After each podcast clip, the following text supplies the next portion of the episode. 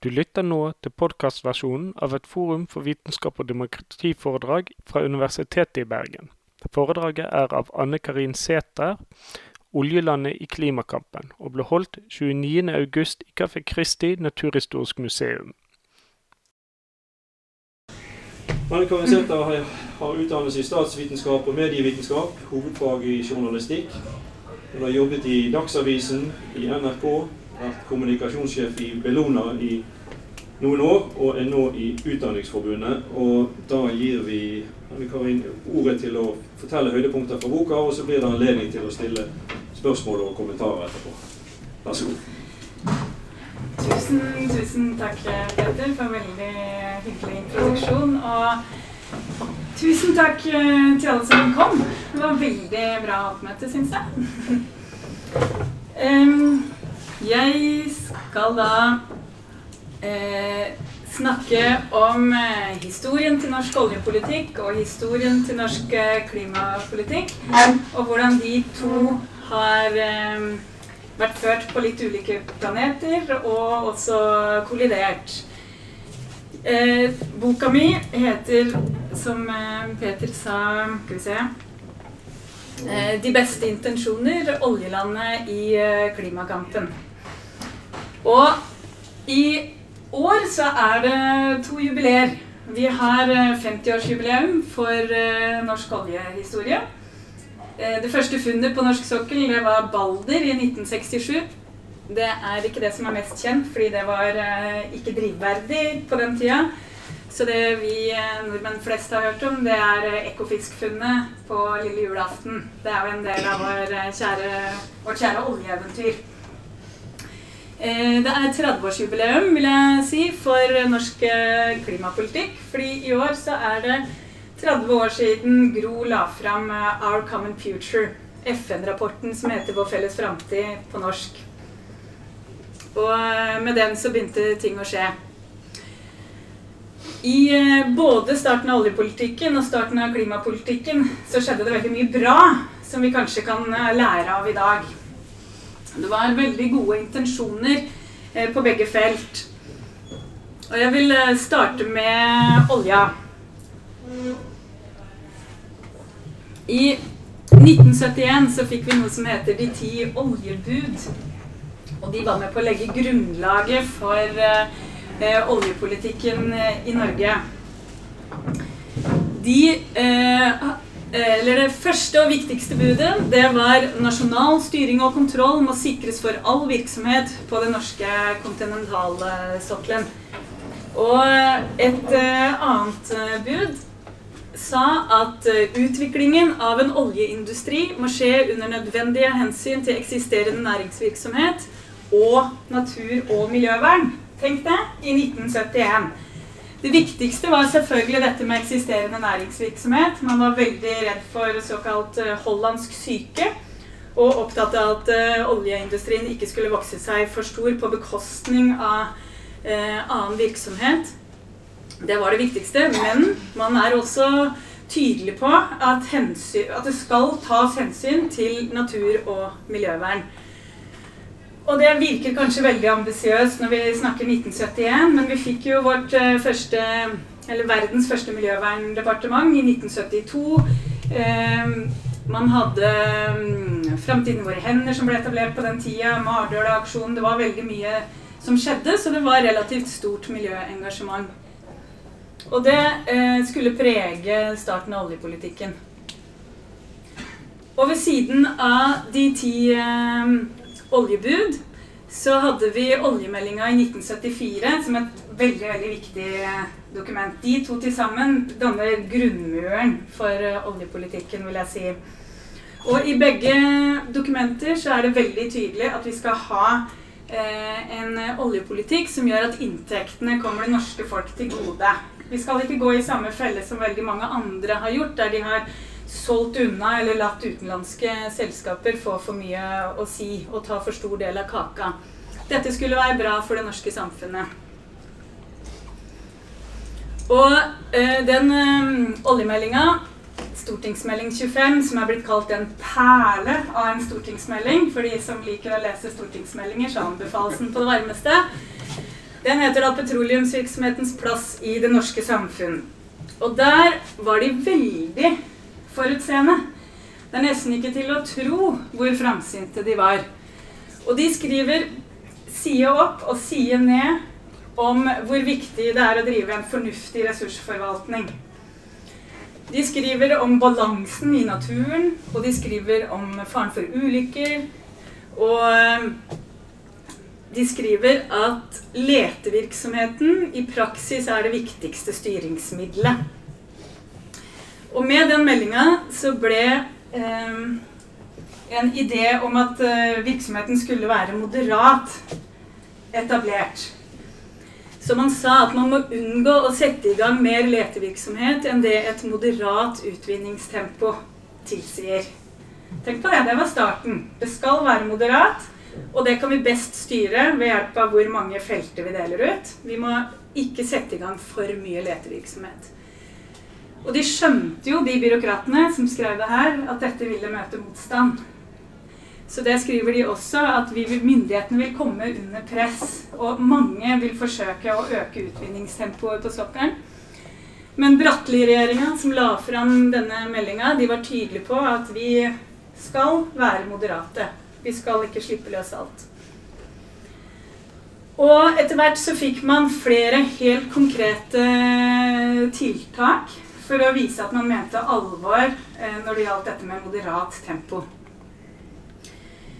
På midten av 70-tallet så satte man seg et mål om at eh, reservene, dvs. Si de ressursene på sokkelen som man veit man skal hente opp fordi det allerede er vedtatt at de skal hentes opp, eller det er resterende ressurser i felt man allerede eh, jobber på. Reservene skulle være maks eh, 1200 millioner tonn.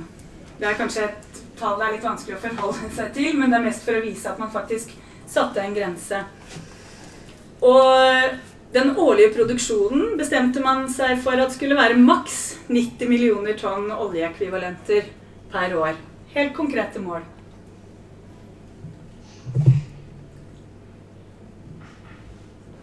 Og så i 1987 var det en diskusjon om økonomisk risiko knytta til oljevirksomhet, som er veldig interessant i dag. Fordi eh, oljeprisen hadde falt, akkurat som vi nylig har opplevd. Og den gang skyldtes det at Saudi-Arabia hadde eh, sluppet eh, løs produksjonen.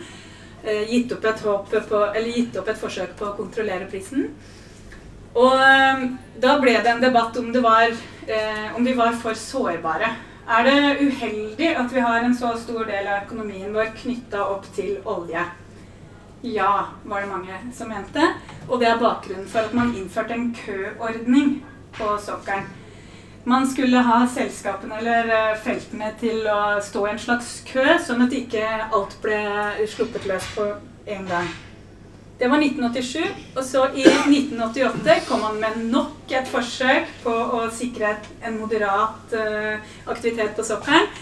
Da satte man et tak på investeringer i petroleumsvirksomheten på maks 25 milliarder kroner per år.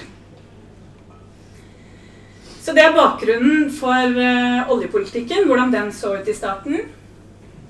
Og uh, klimapolitikken, den var også ambisiøs. I Our Common Future-rapporten, som uh, dere sikkert vet etablerte begrepet bærekraftig utvikling, så står det eh, faktisk en god del om klima. Og det står at eh, klimaendringene kan eh, være farlig for økonomien vår. På samme måte som vi har en diskusjon om økonomi og klima i, dag, så hadde de eh, noen antydninger til det eh, den gangen. Og Brundtland-kommisjonen anbefalte at i løpet av de neste 30-40 årene så burde vi halvere forbruket av fossil energi. Ganske ambisiøst. Men så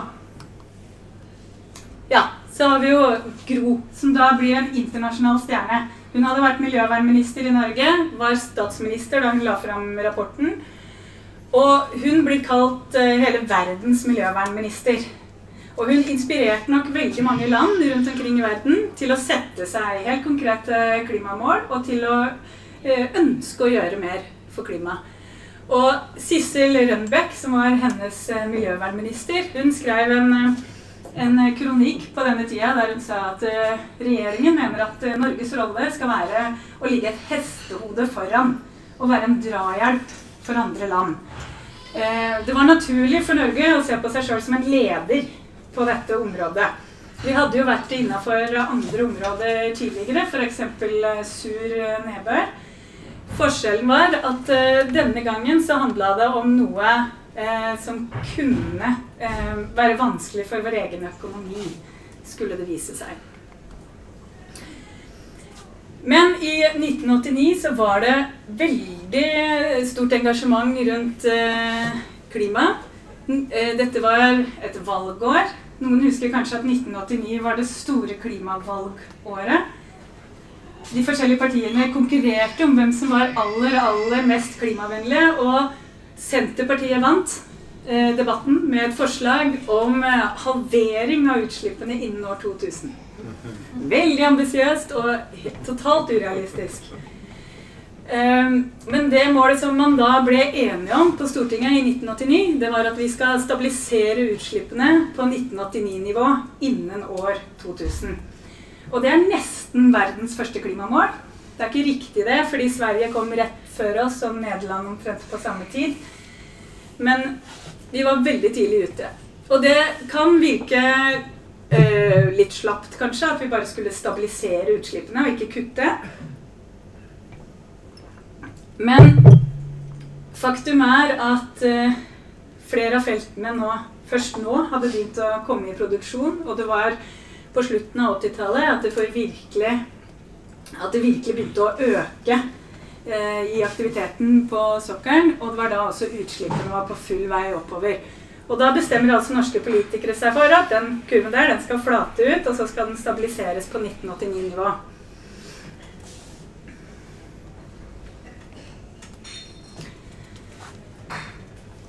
Men så kommer penga.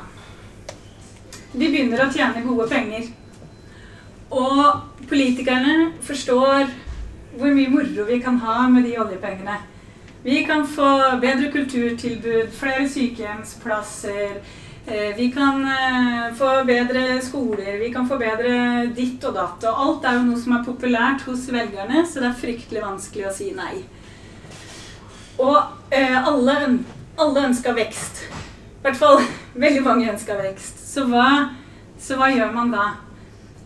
Flere av politikerne begynte å eh, dra litt på det når de ble spurt om klimamålet.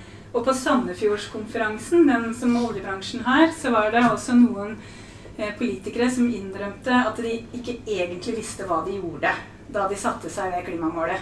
De hadde nok ikke skjønt hvor offensivt det var, og hva det kunne bety for, for oljeindustrien. Så så hva gjør man da? Da må man ha en uh, ny tilnærming. Gro står på World Economic Forum i Davos i 1991, snaut to år etter at klimamålet ble vedtatt, og sier at ensidige forpliktelser i enkeltstater er ikke kostnadseffektivt det er nok ikke den beste måten å gå fram på. Så det hun egentlig står og sier, er at det er ikke så veldig lurt av Norge å ha det klimamålet som vi har satt oss. Økonomene eh, hadde visst dette lenge. Det ville ikke være mulig å kutte utslippene uten eh, også å kutte olje, i oljevirksomheten. Men nå hadde det for alvor sunket inn i det politiske miljøet. Og Jens Stoltenberg hadde jo gått fra jobben sin i SSB til å bli statssekretær i Miljøverndepartementet. Så han var blant de som begynte å reise rundt på turné i verden for å snakke om eh, kvotehandel. Det er det vi trenger. Det er eh, det som gir mest klimakutt for penga. Det er det som er eh, den beste løsningen hvis vi skal gjøre drastiske kutt i eh, klimagassutslippene. Og det var da en rekke økonomer og rådgivere og politikere i Norge som begynte å dra rundt på turné både i Norge og internasjonalt for å påvirke forhandlingene som seinere skulle lede til Kyoto-protokollen. Og dere kjenner jo til kvotehandel. Jeg trenger ikke Eller skal jeg si noe om det, eller hva? De fleste i Norge veit hva kvotehandel eh, handler om. At vi kan kutte ute i stedet for hjemme. Og det var en fordel for Norge, ikke bare fordi vi da slapp å gjøre noen drastiske grep i oljevirksomheten vår. Det var også fordi at det er et generelt høyt kostnadsnivå i Norge, og vi har ingen eh, kullkraftverk som vi kan legge ned, sånn som f.eks. Polen eh, har, sånn at du kan ta noen store kutt. Vi ville vært nødt til å ta veldig mange kutt i alle sektorer, og det ville være veldig, veldig dyrt. Så for oss var det mye bedre med kvotehandel. Så da var det en sånn voldsom snuoperasjon i klimapolitikken sånn rundt 1991.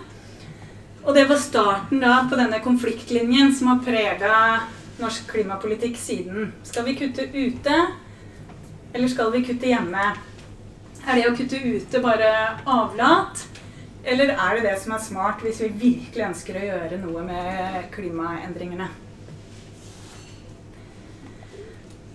I 1991 så gikk det en intern faks fra Olje- og energidepartementet til Finansdepartementet der det sto at kvotehandel vil gjøre det mulig for Norge i betydelig grad å øke våre utslipp.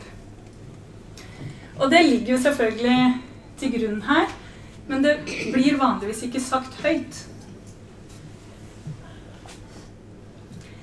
Så da bestemmer man seg for at det skal være veien videre. Og alle de ideene man hadde om moderasjon, går det sånn passe med. Målet om moderat leteaktivitet, det ble ignorert. Vi har dobbelt så store reserver i dag som den eh, maksgrensen på 12 millioner tonn. Eh, målet for produksjon var maks 90 millioner i året. Det er der den røde linja går. På det meste så var vi oppe på 227 millioner tonn i året. Og hvordan gikk det med køordningen? Det var jo ingen som ville stå bakerst i den køa. Det var alltid en eller annen grunn til at akkurat det feltet måtte bygges ut nå. Ellers så vil man tape så mye penger, f.eks. Og så var det veldig veldig ivrige eh, lokalpolitikere og fylkespolitikere som argumenterte for at akkurat deres region trengte dette prosjektet akkurat nå, og her er det kanskje håp om å få ilandføringsanlegg, og da kan vi få arbeidsplasser. Arbeidsplasser det får til å skinne i øya på lokalpolitikere.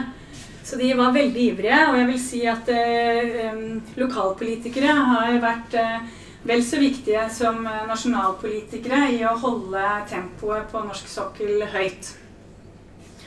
Og vi hadde også eh, tre oljeselskaper eh, der du hadde eh, Hydro, Statoil og Saga. Og det var viktig å opprettholde Saga som en tredje aktør. Det var på en måte politisk enighet om det på den tida. Så da var jo det også et argument. Nei, nå var det Statoil sin tur sist, nå må det bli vår tur. Nå må vi få litt fortgang i det her. Vi kan ikke stå og vente. Og den kanskje aller største forskjellen, den uh, gjelder investeringsnivået. Det taket man satte seg der, det ble solid sprengt. Man hadde grense på maks 25 milliarder i året. Men på det meste så var vi oppe på 215 milliarder eh, kroner. Og det klimamålet, da, som nesten var verdens første klimamål, det fine klimamålet vårt, hvordan gikk det med det? Det lista de seg bort fra. Det ble så vidt nevnt i noen dokumenter etter hvert at det var ikke mulig å gjennomføre. Og så var vi blant de ytterst få land som klarte å forhandle oss til en økning i utslippene da vi inngikk Kyoto-avtalen i 1997. Mens de fleste andre skulle kutte i sine utslipp, kunne vi få øke 1% Men eh, det, vi klarte ikke å begrense økningen til 1% fra 1990-nivå til 2012. Det ble mye mer, men vi kompenserte ved å kjøpe kvoter. I Kyoto-protokollen så står det at kvoter skal være et supplement, men eh, vi lot det stå for eh, hoveddelen likevel. Og så har vi de eh, to klimaforlikene fra 2008 og 2012. Eh, det sier helt overordna at vi skal kutte 30% innen 2020. Ikke 30% i Norge, men 30 eh, globalt, som om vi kutta 30% i Norge. De her klimamålene er fantastisk kompliserte alle sammen. Jeg tror det er meninga at ingen skal forstå dem. Men man ble enige om ett mål eh, i Norge, innenfor Norges grenser, og det var, når man regner seg fram til hva de egentlig mente, så er det da tre millioner tonn som skal kuttes i Norge innen 2020. Og det er det tverrpolitisk enige om at det er dødt. Det er umulig å oppnå. Det klarer vi ikke. Så har vi nye klimamål nå. Eh, vi skal kutte 40% innen 2030 i samarbeid med EU. Og det er da i såkalt ikke-kvotepliktig sektor. Da snakker vi bygninger og transport, eh, landbruk og avfall. Mens eh, de som er i kvotepliktig sektor, sånn som olje og industri, de skal bare være med på at man til sammen når et mål om 40% kutt i hele Europa. Så det er nå liksom bare skjøvet litt til siden. Vi trenger ikke å gjøre noe med oljen, for den er såkalt dekket da, av, av kvotesystemet i EU. Så de kan fortsette å kjøpe kvoter og trenger ikke å kutte noe.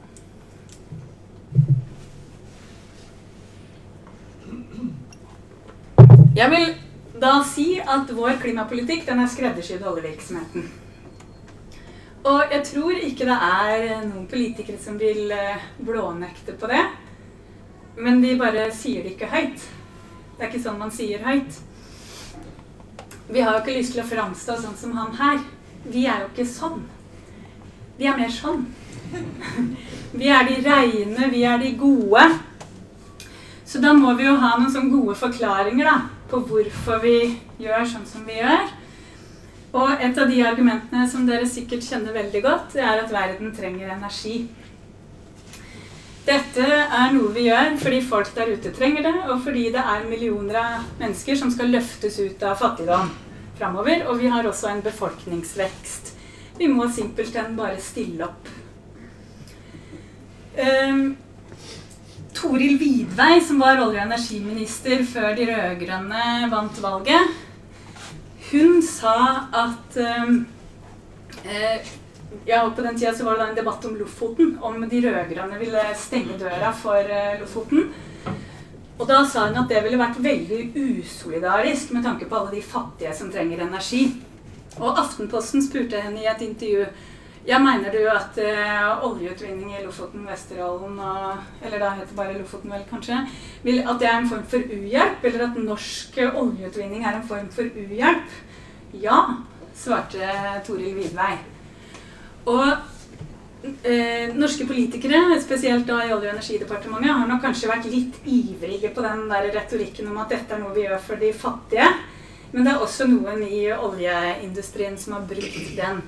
Og Carl Eirik Schjøtt Pedersen snakker jo varmt om hvordan små, fattige barn trenger leselys for å få gjort leksene sine, og at man trenger biler og ønsker seg kjøleskap. Da er det vår plikt å stille opp. Men hvis man virkelig er opptatt av de fattige, så kan man jo spørre seg om eh, det er andre enn oss som bør hente ut den siste olje. Og det er et av de temaene som det er veldig lite snakk om i Norge. Hvorfor er det akkurat vi som eh, skal berike oss enda mer på olje, når vi allerede er så rike? Ja, da har man jo et veldig godt argument eh, som svar på det. Og det er at vår olje er klimavennlig. Vi har eh, klimavennlig oljeproduksjon i Norge. Og det høres jo selvfølgelig ut som nytale à la George Orwell.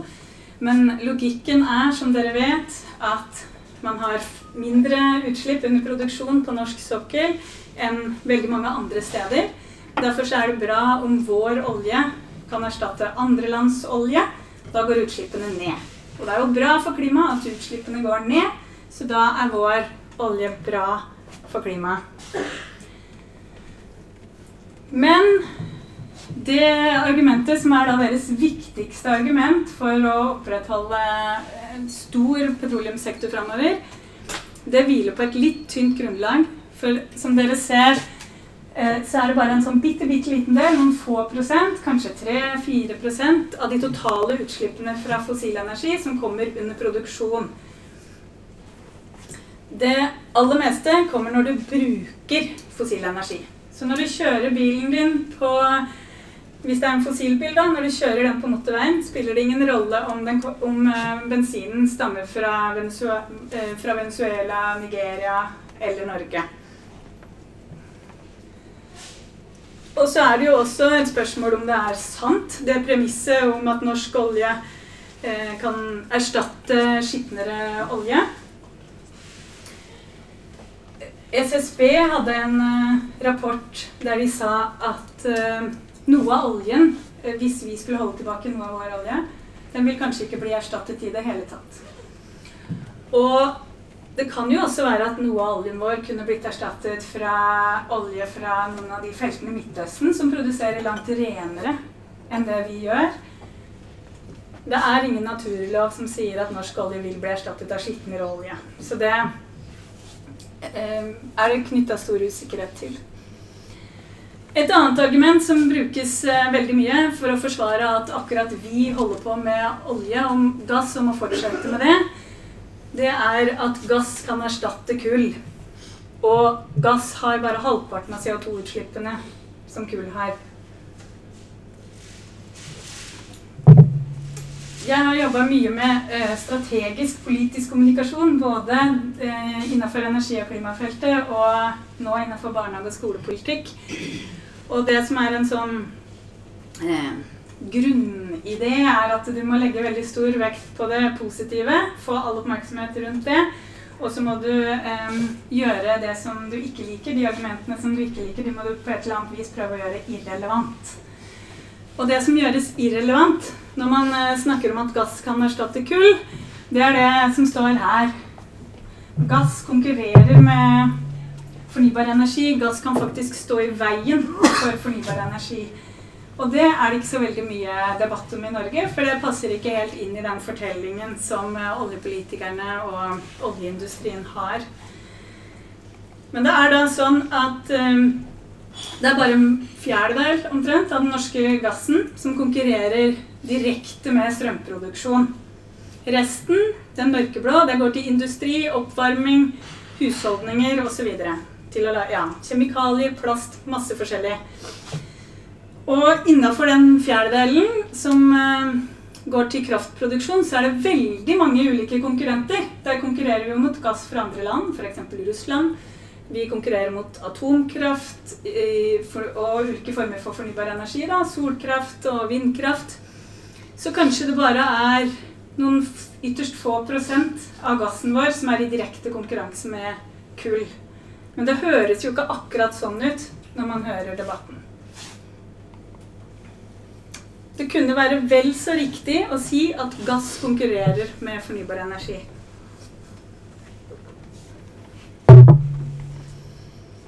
Men det beste argumentet da, til oljeindustrien det er jo selvfølgelig økonomien. Og jeg ser nå at det er stadig flere som begynner å gå bort fra det med å snakke om de fattige, og at verden trenger energi, og at det er så klimavennlig. De ordlegger seg litt mer forsiktig, og de legger mer og mer vekt på økonomien og velferd og arbeidsplasser. Og selvfølgelig er olja ekstremt viktig for det, og den har vært ekstremt viktig for det. Så det kan man ikke si noe på. Men det som stadig flere er opptatt nå, er jo den, risiko, den økonomiske risikoen framover som er knytta til oljen. Kanskje vi skulle hatt noe av den debatten vi hadde i 87, da vi ble enige om den køordningen. Kanskje vi eh, skulle hatt eh, den debatten som Mark Carney, sentralbanksjefen i Storbritannia, har dratt i gang. Kanskje vi skulle hatt den enda større grad i Norge.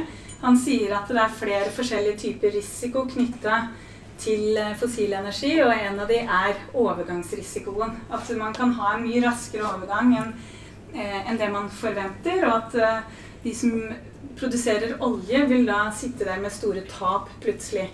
Og vi ser jo nå når det er blitt delt ut, eller skal deles ut og er blitt delt ut, mange blokker i Barentshavet, så kan det være at de ikke er i produksjon før godt etter 2030, og at markedet da er mye mindre enn man tror i dag. Mark Carney, som jeg nevnte, han har også sagt Og han, er, han leder Financial Stability Board, og han er sentralbanksjef, så han er ingen hvem dem som helst. Han har også sagt at det kan jo være en risiko framover for at oljeprodusenter rett og slett blir saksøkt på samme måte som tobakksindustrien ble det. Og eh, jeg så et nytt ord her om dagen dieselfrykt. Det er mye som tyder på at markedet endrer seg raskere enn det det snakkes om i Norge. Nå er det 300 000 dieselbiler som er bruktbiler, som står og samler støv i, i, Tyskland fordi det er ingen som vil kjøpe dem. Og det skyldes at det snakkes om å innføre dieselforbud i uh, ulike tyske byer. Og samtidig så gir uh, bilprodusentene klare signaler om at de skal slutte å lage fossilbiler. Uh, Volvo sa jo at fra 2019 så skal alle bilene de produserer, ha elektrisk motor. Enten ren elbil eller hybrid. Og så, eh, ja, så har vi også 3D-printere som eh, kan redusere behovet for transport dramatisk når du kan begynne å printe ut ting sjøl. Det er veldig mange ting som spiller inn her, som kan føre til større endring enn vi eh, ser for oss. Og flere steder så er det nå sånn at solenergi konkurrerer ut fossil energi. Og det vil også vi merke med tida. Så til slutt tenkte jeg også eller si litt om eh, akademias uh, rolle. Jeg tenkte vi, vi, skal vel sikkert ha litt spørsmål og, og dialog. I uh, 2012 så sa jo studentparlamentet i Oslo at de ønska å jobbe for at Universitetet i Oslo skulle gå vekk fra eller legge mindre vekt på petroleumsforskning og mer vekt på fornybar forskning. Og i 2013 så var det to av de som er i salen nå, og sikkert flere også, som fikk dratt i gang en, eh, en eh, debatt om akademiaavtalen. Som jeg nå veit skal eh, fornyes igjen. Og eh, spørsmålet Eller da handler det jo da om petroleumsforskning. Og hvorvidt eh, akademia bidrar til eh, eh, forskning som er i strid med klimaarbeid og klimamål. Olsen, rektor Olsen her sendte inn denne debatten til NENT, den forskningsetiske komiteen for teknologi og naturvitenskap. Jeg vet ikke hvor mye debatt det er rundt disse spørsmålene nå, men det kunne vært interessant å høre litt etterpå hva som tenkes rundt dette. Fordi Nent eh, konkluderte jo da med at eh, forskning som eh, er i strid på et eller annet vis med togradersmålet, det vedtatte FN-målet, det kan sies å være forskningsetisk uforsvarlig. Det ble jo masse debatt eh, rundt det. Og eh, de forskningsetiske regl eh, reglene, eller retningslinjene til akademia, sier at man skal Eh, bidra til en føre-var-holdning, og at man skal bidra til bærekraftig utvikling. Et av spørsmålene nevnt stilte, var om eh, man ved å satse veldig mye på petroleumsforskning bidrar til å legitimere en idé om at det ikke haster så mye med omstilling. Og nevnt anbefalte også at akademia i større grad bidro til omstilling. Og i den grønn konkurransekraft-rapporten som kom fra et ekspertutvalg tidligere i år, så ble det også anbefalt at eh, eh, norsk forskning i langt større grad enn i dag bidrar til omstilling og er en positiv kraft for det. Så kanskje det også er noe vi kunne komme inn på etter hvert, hvis det er noen som har noen eh, ideer om det. Det hadde vært litt interessant å høre hvordan den debatten har utvikla seg, ettersom Universitetet i Bergen var så viktig i eh, den debatten i 2013 og 2014.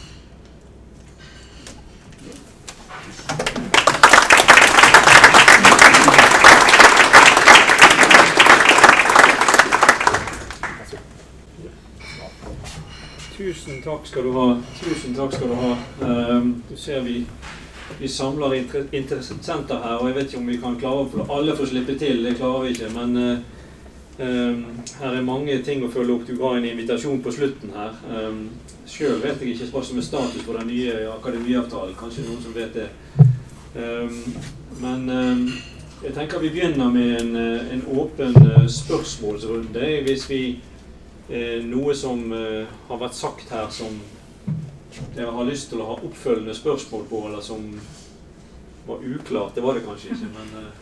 Skal vi prøve å ta det litt sånn konkret i begynnelsen, og så tar vi mer kommentarer etter hvert? Noen som har nå, Anders. Ja, eh, hva var det som skjedde i 1991? Eh, du sier da kom pengene inn i bildet, men de har vel vært der hele tiden? Altså Fikk de plutselig mye større betydning for statsbudsjettet, eller eh, kjentes situasjonen tvingende på en ny måte? Det var, det var nok De fikk god drahjelp av Hydro og, og Statoil, som kjørte en intens lobbykampanje mot det klimamålet. Eh, og eh, økonomiske miljøer selvfølgelig også, som kom sterkere på banen. De hadde nok ikke helt skjønt hva som skjedde da det klimamålet ble knesatt. Så jeg tror det handler delvis om det, og delvis det at inntektene økte. Og så kan man jo kanskje bli litt revet med i en klima, eller i en valgkamp, eh, og at de satte litt mer ambisiøse mål enn vi kanskje egentlig hadde tenkt. Ja. For, for, oss som er i forskning, så syns jeg også det er interessant at akkurat på den tiden, det var vel i 1990 at CICERO ble opprettet. Forskningssenter der som har vekt på å informere om klima, og også studere internasjonale klimaforhandlinger og slike ting, bl.a. i sitt mandat. Så det, det det var også i perioden liksom 89 til 91 at alle disse tingene kom på bordet, som du nevner med vekt på kvotehandel og, mm. og forstå at man skal gjøre ting internasjonalt. og ikke på nasjonalt. Og eh, Ted Hanish fra Cicero var jo blant de som dro på lobbyturné for å snakke kvotehandelen eh, sin sak. Ja. Nei, men andre, andre ting, andre tema? Ja. Eh, kan du si litt om eh, medias rolle når det gjelder eh, olje og, og miljø? Hvis vi ser på valgkampen nå, så, så, er det veldig få som tar opp det siste problemet du var inne på, med at det er en stor risiko ved å satse på olje- og gassutvinning. Alle ser ut, også de som intervjuer, ser ut til å ta for gitt at dette er en gullgruve som vi fortsatt kan mm. fortsette å ta av. Det ingen som har husket på f.eks. det som skjedde med Atlantoskandisild når den etter lang oppvekst opp, oppoverkurve kollapsa. Mm. Um, jeg tror uh, noe av grunnen til at det ikke er et stort tema i valgkampen nå, er at de fleste, eller de største partiene ikke har noe sånt veldig stort behov for at det skal være et stort tema heller. Det har ikke vært en sånn veldig, eh, veldig vinnersak for Høyre. Og Ap har jo et enormt sprik i sin eh, velgermasse fra de som eh, vil bare ha fullt kjør på sokkelen, til de som vil ha stopp omtrent. Så der har de ikke vært frampå og satt i gang en, eh, en debatt. Og det preger hva journalistene prioriterer også. Og det er jo eh, ja, det, media er veldig på punktnyheter eller hendelsesnyheter og har dårlig tid, skal produsere veldig mange saker. Da blir det veldig ofte sånne eh, enkle ting som er i vinden, i stedet for å gå i dybden på ting som fossil risiko eller eh, klimaendringer generelt. Dessverre.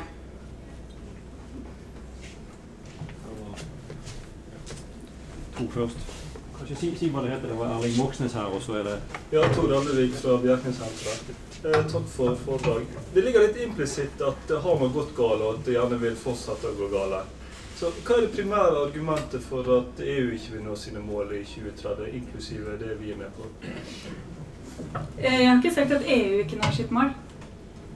Ja, men du sa at vi lå opp til det med vår uh, olje og gass uh, inn i framtiden.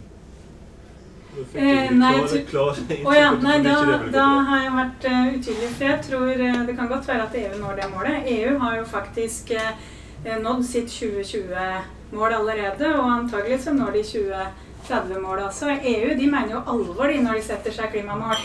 De, ja, de har faktisk fulgt opp. Og nå har de eh, eller, og det 2030-målet er jo inne i eh, den internasjonale klimaavtalen fra Paris også. Eh, og man har eh, en form for sanksjoner som man ikke har hatt tidligere. Det er et litt strengere regime. Så ja, jeg tror de kanskje klarer det 2030-målet. Ja. Tusen takk for presentasjonen. Han er på. Du må ta nærmere munnen. Kjersti Fløttum. Eh, tusen takk for presentasjonen.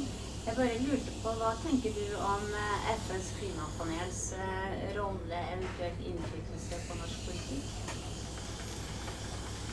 Hmm. vanskelig, vanskelig spørsmål. Vi har jo veldig mange flinke politikere, da, bl.a. her fra Bjerknes, som sitter i det klimapanelet, og som har vært flinke i den offentlige debatten i Norge. I 2007, da panelet fikk eh, Nobelprisen, så var det veldig, veldig Jeg opplevde at det har vært veldig stor respekt for, for klimapanelet, og at det fortsatt er det. Men én uh, ting er hva vi på en måte er enige om at det er bra og riktig, og noe annet er hva vi gjør i praksis. Ja. Kan jeg bare si en ting? Jeg er veldig begeistret for boken din. Den er fantastisk. Eh, jeg regner med at den selger så godt at det skal bli et nytt opplag. Og da har jeg, da har jeg et ønske om det kan lages en indeks der. Fordi at det er så mye viktig, oh, ja. det er så mye viktig ja, i den boken eh, som, som nesten man kan bruke en som referansebok for å slå på konvensjoner, på dokumenter og ja. Nå er det allerede trukket et, eh, trykket et nytt opplag. Men hvis det kommer et tredje, så skal jeg spille inn til Jeg gjør det. Ja.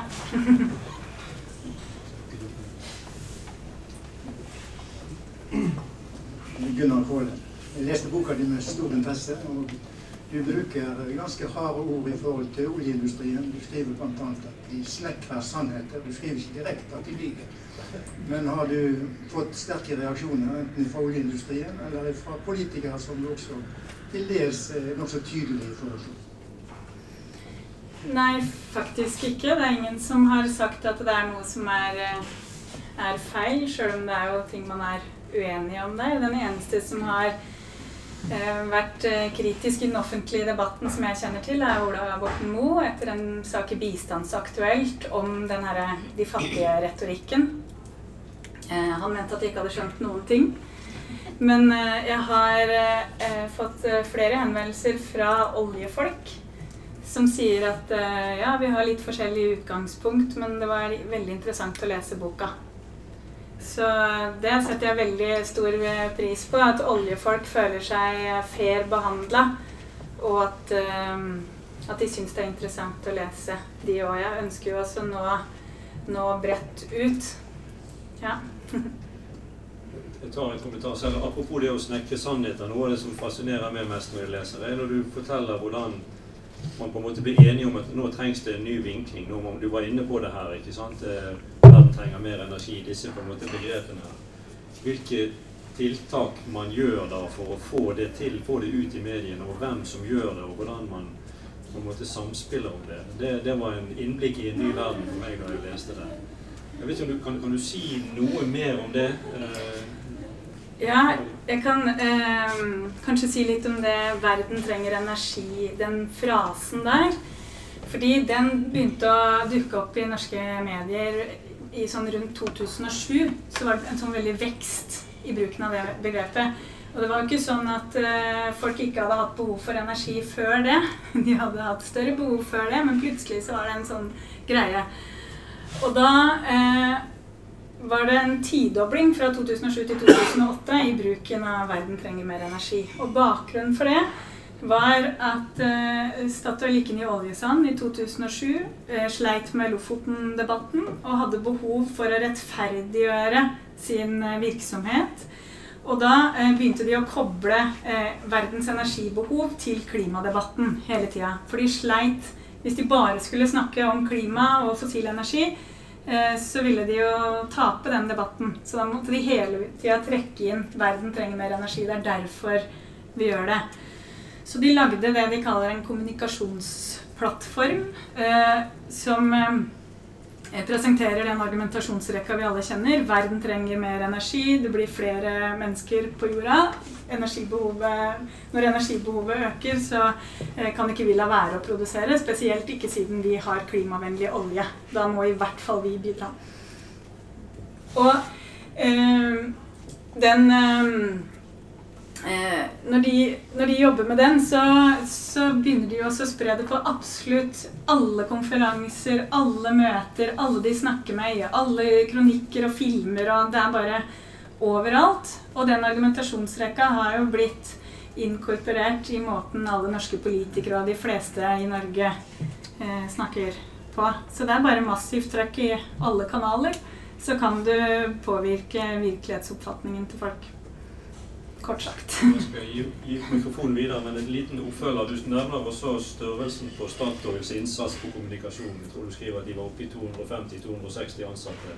Ja, De hadde 300, kommunikasjons, 300 kommunikasjonsfolk på det meste. Ja, og litt færre nå. Og så er det også det fascinerende med at det, det er jo utgift til inntektservervelse å drive kommunikasjon i et sånt selskap. slik at 80 eller 78% av utgiftene til dette er jo egentlig da til fratrekk på, på inntekt til staten.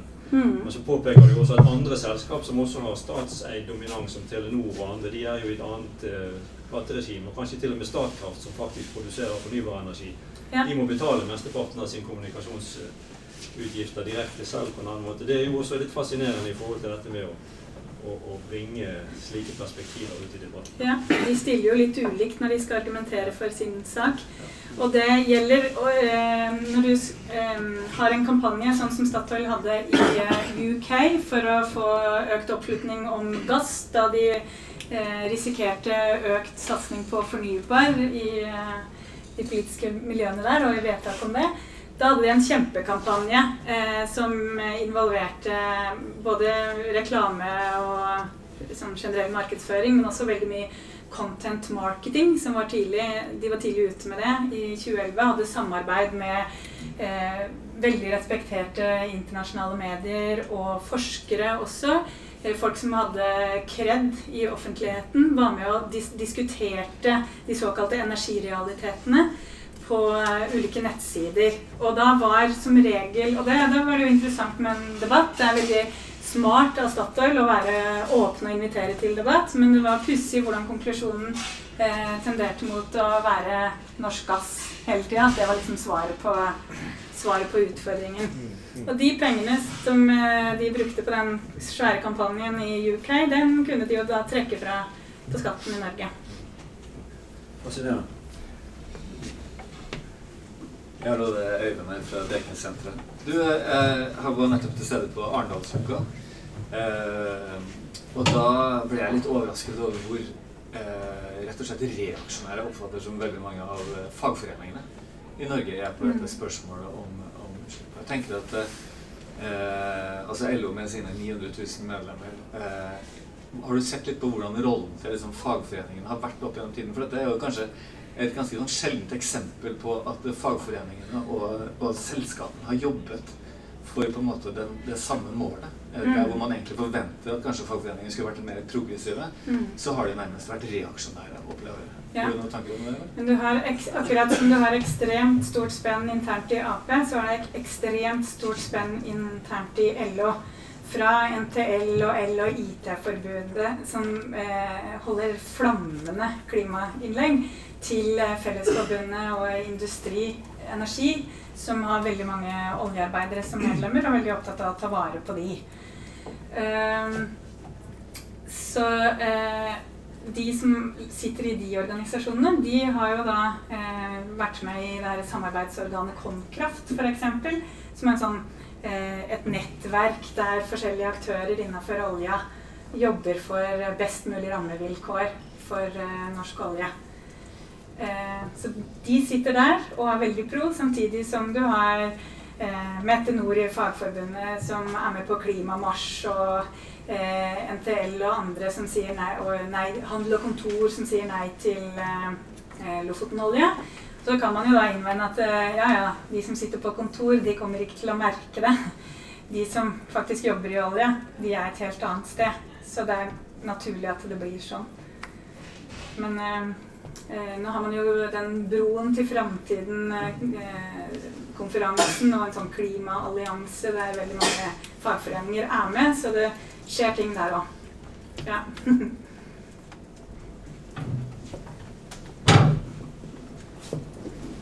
Hei, Randel Frengberle. Um, takk, veldig spennende. Jeg kan jo bare føye til i denne fagforeningsdebatten at også det var jo egentlig flertall for vern av LoVC i forkant av LO-kongressen. Men så skjedde det en dragkamp internt i noen Mm. fagforening som gjorde det ikke var noe som ble vedtatt på LO-kongressen. Der oljearbeiderne også mobiliserte ganske, ganske kraftig, over de Mm. organisasjonene som da har oljearbeidere. Men så det er veldig, en veldig interessant dragkamp på gang innad i fagbevegelsen. Um, det jeg tenkte jeg spørre om, var egentlig eh, Da jeg leste boken, eller bladde gjennom den store delen av boken om igjen i, i, her forleden, så så man du har veldig få informanter som er direkte knyttet til miljøbevegelsen. Baserer stort sett på, um, på um, altså, nåværende og tidligere politikere og folk som har jobbet i bransjen. og alt dette. Er det på en måte et bevisst valg som du har gjort, eller er det, eller er det på en måte bare blitt naturlig gjennom de temaene som du har fulgt? Eh, jeg har jo eh, ekstremt mange kilder som ikke er åpne. Det er jo ikke så veldig mange jeg siterer i boka, egentlig. Så jeg har jo gjort eh, i hvert fall 100 sånne dybdeintervjuer. Og veldig mange av de er eh, jo med folk i olja som ikke vil eh, stå fram med eget navn. Og så kjenner jeg jo ekstremt mange i miljøbevegelsen som jeg henger med hele tida. sånn på fritida, og som jeg møter på konferanser og, og sånt. Så jeg eh, ja, målbærer kanskje noe av de ideene de kommer med uansett, da, uten at jeg siterer dem. Men jeg har lyst til å komme inn på det du sa om at de mobiliserte i LO. For det tenker jeg var en historisk dag når du har oljearbeidere som står og protesterer utafor LO-huset og eh, slåss for olja. De har hatt så mye makt. De har aldri behøvd å stå med sånne plakater og sånn. Det er det Natur og Ungdom som gjør. Mens nå har det vært et veldig stort skifte, og merker at eh, oljefolk opplever at de ikke er så populære lenger. Og nå på lørdag var det en sak i Klassekampen om, at, eh, om en undersøkelse som Norsk olje og gass hadde fått gjennomført, der de hadde spurt ønsker du å opprettholde eh, norsk olje- og gassvirksomhet. Og det er jo et spørsmål man alle i verden hadde stilt eh, for bare få år siden. Så det at de i hele tatt gjør det, er interessant. Det var sju av ti som sa ja, og da begynte Norsk olje og gass å spre det på Facebook og var sånn hurra, vi er kjempepopulære. Men det at tre av ti ikke vil opprettholde norsk olje- og gassindustri, er jo egentlig ganske oppsiktsvekkende. Jeg har lyst til å knytte en liten kommentar til det også på veien. og Det var jo at eh, Karl Erik Schjøtt-Pedersen ble da konfrontert med at den største motstanden mot olje det var blant de unge. Og så, eh, og så eh, men Det ville han ikke si da, men han sa men jo, men husk at også 62% av de unge er for. Så liksom det har enk, enkle ting i forhold til hvordan du vinkler det. Du vinkler det på en måte fra din side, det positive, og ikke, Ja. ikke det negative. Ja, ja. Også der var det liksom flertall. Det var, det var Kamp om virkelighetsoppfatning. Ja. Veldig god, god overgang til mitt spørsmål. Det er Tore Huri fra Bjerknessenteret. Så jeg tenkte akkurat det med unge og det med kommunikasjon. Vi hadde jo et veldig sånn rart eksempel nå nylig om Olje- og energidepartementet som fant ut at de trengte å bli bedre til å kommunisere til ungdommen. Så de lagde et ungdomspanel, og de har fått en rapport som sier at norsk olje og gass det er jo selvsagt veldig bra for verden og for verdens fattige og for Norge og for velstand osv. Hva tanker gjør du deg om en sånn strategi? Ja, nei, det var litt eh, eh, ja, Kanskje litt pussig at de satte ned det panelet, men Norsk olje og gass hadde jo satt ned et lignende panel tidligere, og så var vel Søviknes idé at dette skulle virke mer upartisk. Og de trenger jo åpenbart litt eh, råd også for, for å kommunisere med ungdommen. Men jeg hørte hun som leda det panelet i en debatt på Dagsnytt 18, og det var jo som å høre en sånn liten Søviknes. Hun eh, gjentok jo alle argumentene hans.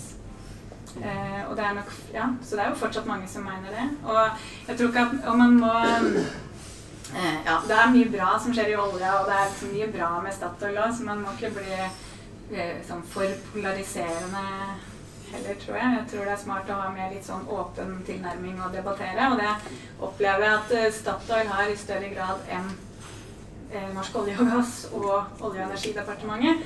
Der er det flere folk som er litt sånn ja, good old times. gjør sånn som før, vant med å prøve å lene seg tilbake og karre til seg mest mulig penger.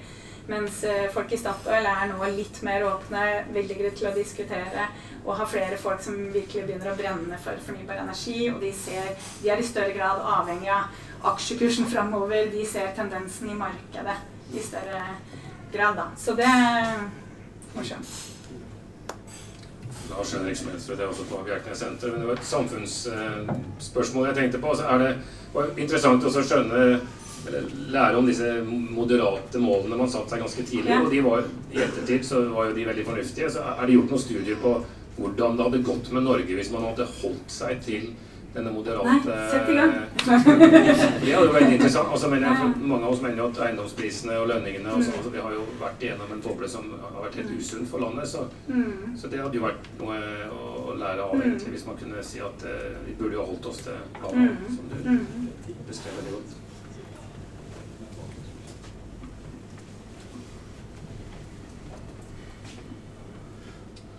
Sjur Øyen eh, Falm, oljeingeniør. Eh, nå skal ikke jeg altså, gå så veldig i debatten om eh, oljen eller ikke, men løser ikke, altså, løser ikke denne problemstillingen seg selv? Hva sa du? Løser ikke denne problemstillingen seg selv med den posisjonen som oljen og- gassen ligger i, med at vi har nettopp kvittet oss med 50 000 i bransjen som først Karl Erik var ute og sa at eh, det er kjempeviktig at vi skal ha det med oss videre. Det er kjempeviktig at vi skal ha det med. Gikk det en knapp tre-fire-fem måneder. Mm.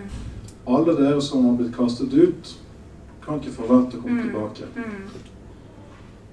For, si, Senest Ja, i dag så har du ennå en brønn som ikke ga noe gode resultater i Barentshavet. Lofoten, Vesterålen, Senja. Det blir ikke åpnet. Nei, det tror ikke jeg heller. Kommer ikke til å skje. Sånn at når er vi borte ifra Ja, det oljen i Norge? Når er vi borte ifra gassen i Norge? Og kanskje det viktigste spørsmålet Hva skal vi gjøre med alle de som er kasta ut? Og hva skal vi gjøre med alle de som aldri vil komme inn? Hvor skal vi sette de inn i nye næringer?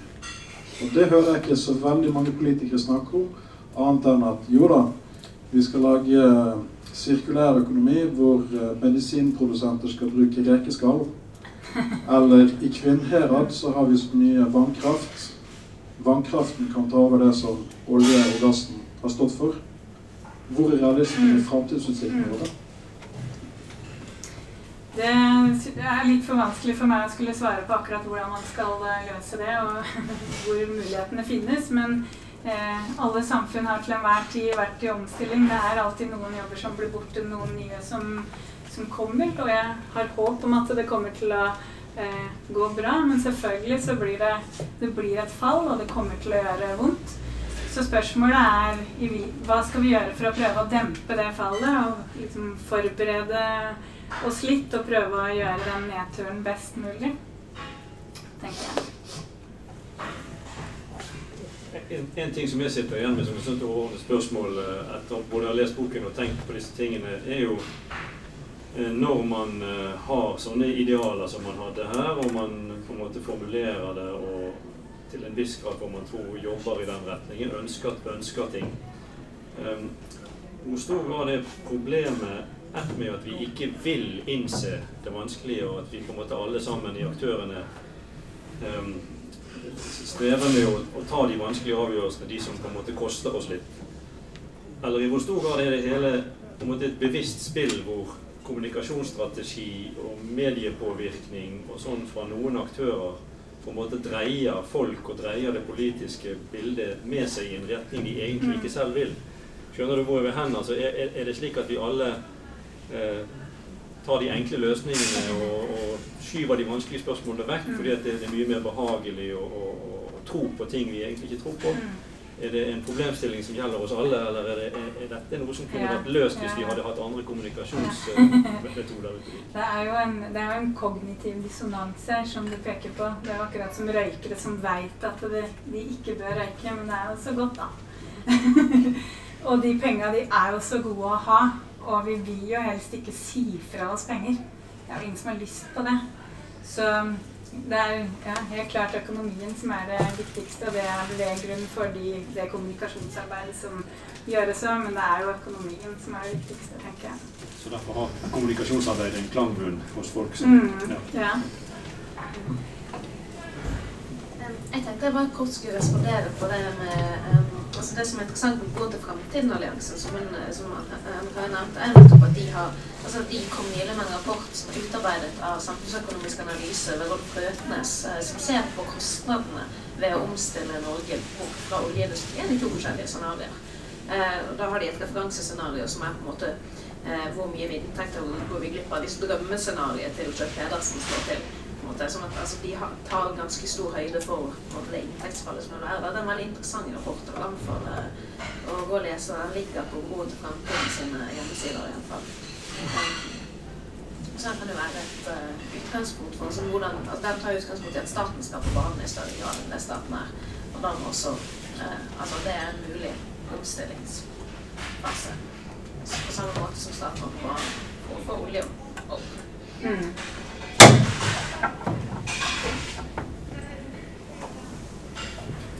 Ja, vi har ikke fått noe Der var en her borte. Vi har ikke fått noe særlig svar på akademia her, men vi skal se hva det kommer til. Ja, jeg har eh, Jeg tror jeg har tre spørsmål til deg. Skal jeg notere? Ja, nei, du behøver ikke det. Men eh, la oss ta hovedargumentasjonen slik som du har fremstilt den. Jeg tror det du har god dekning på. Eh, olje ut, eller oljefolkenes største argumentasjon ligger i den rekka som du stilte opp. Vi blir flere i verden. Vi trenger mer energi i verden fordi vi blir flere. Og Norge produserer mer ren energi enn de fleste andre. Altså må vi øke. Hvordan vil du slå ned den argumentasjonsrekken? For det er holdbart, det som sies at vi blir flere. Altså. Det er holdbart i at vi antagelig også trenger mer energi. Så da må det være relevansen i argumentene som ikke er helt på topp. Og mitt spørsmål til deg, hvis du er motstander av dette her, hvordan slå ned den argumentasjonskrigen? Jeg er også motstander av det. Men jeg klarer ikke helt å møte Skjøtt Pedersen når, han, når jeg ser at han har rett i sine to første argumenter. Vi blir flere, og vi trenger energi. Men da kan jeg bare svare på det før du tar neste. Det er sant at verden trenger energi, men vi trenger jo ren energi. Og jeg tror eh, den utviklingen undervurderes. Eh, og eh, det vil komme eh, stadig flere rapporter nå framover som eh, ser på utviklingen litt annerledes enn det det internasjonale, internasjonale energibyrået gjør. IEA har jo vært eh, den viktigste referansen til eh, oljeindustrien. Og Statoil har på hver høstkonferanse invitert inn Fatih Birol, som nå leder IEA, fordi han alltid står der og sier at vi kommer til å trenge masse norsk eh, olje og gass eh, framover. Jeg vet at DNV GL kommer med en rapport nå 4.9. Eh, som kan bli veldig interessant, som er en sånn um, Energy Transition Outlook, som antagelig vil ha eh, en annen beskrivelse av virkeligheten fremover enn det IEA, som norske oljefolk lener seg på, har. Og så ellers så prøvde jeg også å svare på noen av de der argumentene i, eh, i foredraget, da. Ja. Ellers så må du lese boka. Men mitt siste spørsmål er helt sånn prosess. Hvem var det som skrev den stortingsmeldingen som du ganske med full rett skrøt sånn av? Der viljen til moderasjon tydeligvis oversteg viljen til selvbedrag. Det, eh, det var byråkrater i Finansdepartementet med hjelp av byråkrater fra eh, Næringsdepartementet, da, der olje lå da. Oljekontoret lå under der. Og så var det én politiker spesielt som eh, skilte seg ut i starten, som var viktig for de ti oljebud, og som kanskje var viktig også eh, for stortingsmeldinga, og det var Rolf Hellum. Eller Rolf Hellem, heter han. Hellem ja, Hellem. Mm. Men har det skjedd noe med embetsmanns- eller byråkratiet? Tror du at sammensetningen av byråkratiet siden den gangen på 70-tallet og i dag eh, må si? Ja, Det I virker, jo- tenkning? ja, det virker i hvert fall som at veldig mange i Olje- og energidepartementet ser på det som sin jobb å maksimere inntektene på norsk sokkel. Og det er jo eh, fordi norske samfunn skal nyte godt av det. De ser på det som sitt oppdrag. Derfor så tror jeg også noen av de der ideene eh, om eh, TFO-ordningen som kom i 2003, som da var en måte å øke leteaktivitet og utvinning på. Og seinere en sånn endring i petroleumsskattesystemet som kom i 2006. Det kan like så gjerne ha kommet fra byråkrater i OED som det kom fra Statoil eller andre selskaper. De er, de er veldig på hugget.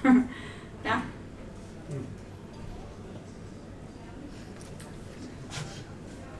Hei. eh, Rasmus Slåttli fra SVT, Senter for vitenskapsteori. Jeg har lyst til å høre deg si noe litt mer om dette siste, det siste argumentet som du brakte fram, eh, der du siterte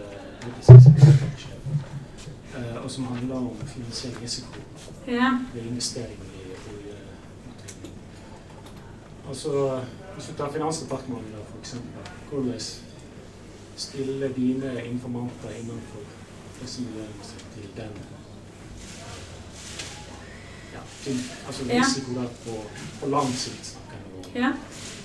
Der, um, der er det stadig mer debatt uh, i stadig flere miljøer. Også um, blant folk i Finansdepartementet og folk i ulike økonomiske miljøer. Og Norsk Klimastiftelse lagde en veldig god rapport om finansiell risiko knytta til fossil energi, som jeg anbefaler, som ligger på, på nettsiden deres. Og jeg veit at det pågår nå eh, litt sånn bakgrunnsarbeid i flere partier for å liksom, ta en debatt om petroleumsskatteregimet. At det kanskje er på tide å endre det, justere det, for å eh, redusere den økonomiske risikoen framover.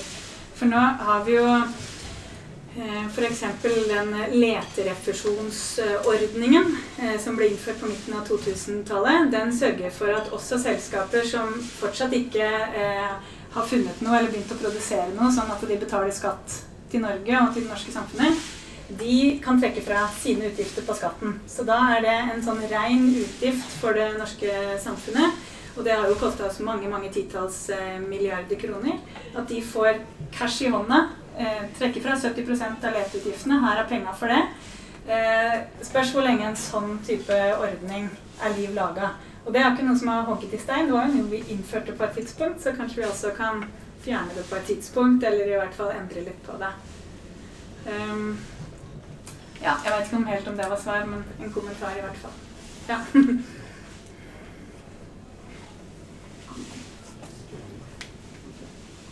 har hatt mange gode spørsmål og kommentarer, jeg vet ikke om eh, eh, det er flere. Du har stilt spørsmål til salen uten å få så mye svar på det, men er jo sånn ja, men det kan vi ta neste gang. Jeg kan prøve meg. Ja. ja. Ja, Tor Aldeviken fra Bjerknessenteret. Eh, Akademias rolle, det er jo også det, da. Eh, det jeg lurer på, for nå er det Det var nevnt, f.eks. denne her eh, broen til framtiden. For meg er det i veldig stor grad en bro fra framtiden, for det er utrolig uvisst hva vi skal lykkes med konkret der, og i hvilken grad av inntjening vi får på det. Så det, det, det, det er en god hensikt, og det er en, et nødvendig vei å gå, men det er ikke åpenbart for meg hvordan vi kommer dit. Samtidig er det ganske klart for oss hvordan vi i dag lever av Mm. olje- og petroleumsressurser. Så det blir veldig sånn eh, hva skal jeg si, ekstrem diskusjon mellom enten-eller. Noen skal avvikle det, eller noen skal holde på mer eller mindre eh, sånn som vi gjør nå, uten å ta hensyn til denne framtiden. Så hvor blir nyansen av? Hvor er det akademiske miljøet som løfter forvaltningen av de ressursene vi har i dag, i et 10-20-30 års perspektiv, Mm. gitt bærekraftige begrensninger? Mm. Hvorfor tar ikke Universitetet i Bergen den ballen her? Mm. Det der burde vi tatt oss. Mm. Men nå eh, Søviknes driver Ja, og snakker Søviknes er ikke min kompis. Nei.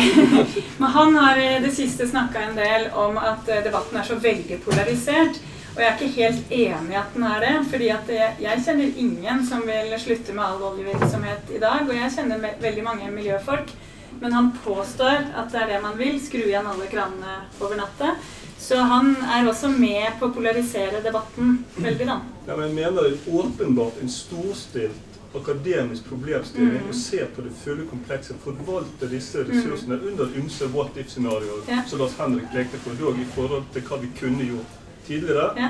Men enda mer interessant, vi forvalter på vegne av framtiden. Ja. Og framtiden vi prøver Mm. å som er et godt norsk constrainer. Ja. Og der har vi en systemanalytiker som kanskje han. Ja, nei, det hadde vært bra.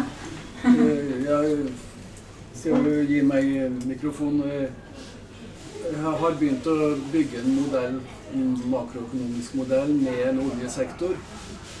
Og litt av den, det som er interessant å se på, er jo at vi kan få så rask gjennomslag for fornybar at oljeprisen ramler. Mm. Og da er det Gulflanda med lave kostnader som vil kunne leve videre, og det ser vi en tendens til nå. Til forskjell fra 80-tallet, når Saudi-Arabia ga opp. Mm. Og, og de, de prøvde å holde prisen høyt veldig lenge. Mm. Den gangen her så gjør de ikke det. De produserer mer enn noen gang. Så det på den ene sida har du den risikoen at oljeprisen blir veldig lav, og da Det som alle håper på, store inntekter, det vil da bli tap. Mm. På den andre sida så kan, vi, kan det jo tenkes at vi får en periode der det er så stort behov for olje at prisen holder seg høy i en ganske lang periode. Og da er faren at vi fortsetter oppbygginga som vi hadde med eh, den høye investeringstakten vi hadde for noen år siden. Mm. Og da bygger vi oss opp og får en oljesektor som er veldig stor, og Mm. fallet blir da desto større når vi ikke finner mer. For det Mm. på verdensbasis så finnes det nå forsvinnende lite olje i forhold til det vi bruker hvert år. Så i det legger det en viss mulighet for at prisen blir høy. Men en høy pris vil også stimulere til en overgang vekk fra, fra olje, og stimulere til vekst av fornybar. Så det er veldig mye som tyder på at vi er inne i en omstillingsfase, og, og det betyr at risikoen er ekstremt stor Mm. med sånne svære investeringer. Mm. Jeg tror vi gir ordet til to her, og så kan Anders få avslutte. Så begynner vi å dra de ikke Så har folk tid til å få signaturen din på boken òg før de går, hvis de vil kjøpe den. Jeg skal være kort. Eh, Vi hadde jo en omstilling fra verftsindustrien, skipsbygging, Mm. til eh, olje som mange mener var veldig vellykka og eksemplarisk. Og eh, da var det en allianse mellom fagbevegelse, stat og også Forskningsrådet. var Mm. Eller en rekke aktører i Norge var med på den omstillingen. I dag ser det ut som alle disse aktørene på en eller annen måte er splitta fra hverandre.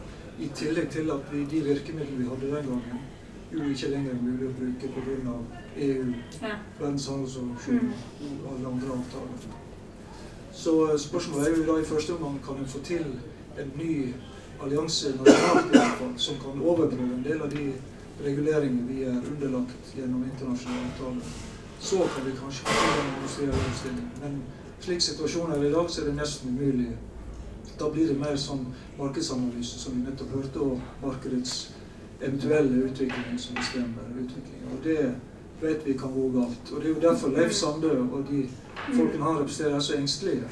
Med god grunn. For at de må bære belastningen av den omstillingen. Mm. Så vi må ikke bare raljere med Leif Sande, men vi tar det veldig alvorlig at de som nå er arbeidsfolk i oljeindustrien, faktisk er de som òg må ta belastningen av omstillingen. Mm. Nå har Leif Sande gått av, da. Men eh, Han er for Stortinget snart. Ja, ja, det kan hende. um, ja, jeg, jeg hopper over Det står for seg sjøl. ja, det er bra. Ja, da skal vi avrunde. Ja, hvis, du, hvis vi føler at debatten er sånn litt utømt i denne omgang, Håper vi fortsetter da skal jeg minne om neste møte i dette forumet. Det er fredag 15.9., eh, samme tid og sted. Da kommer det et par stipendiater fra Universitetet i Trondheim. De er med i en gruppe som har slutta seg til det internasjonale New University-nettverket. Og de skal snakke under overskriften eh, 'Tåka. Altså, de skal snakke om eh, hvordan det går an å få øye på hva som er i ferd med å skje med universitetet. Få oversikt over alle disse små og tilsynelatende uskyldige forandringene som til sammen og på sikt kanskje er i ferd med å, å innebære ganske betydelige og grunnleggende endringer ved universitetet. Altså tolka dette eh, 15.9. Eh, her til samme tid. Takk i dag.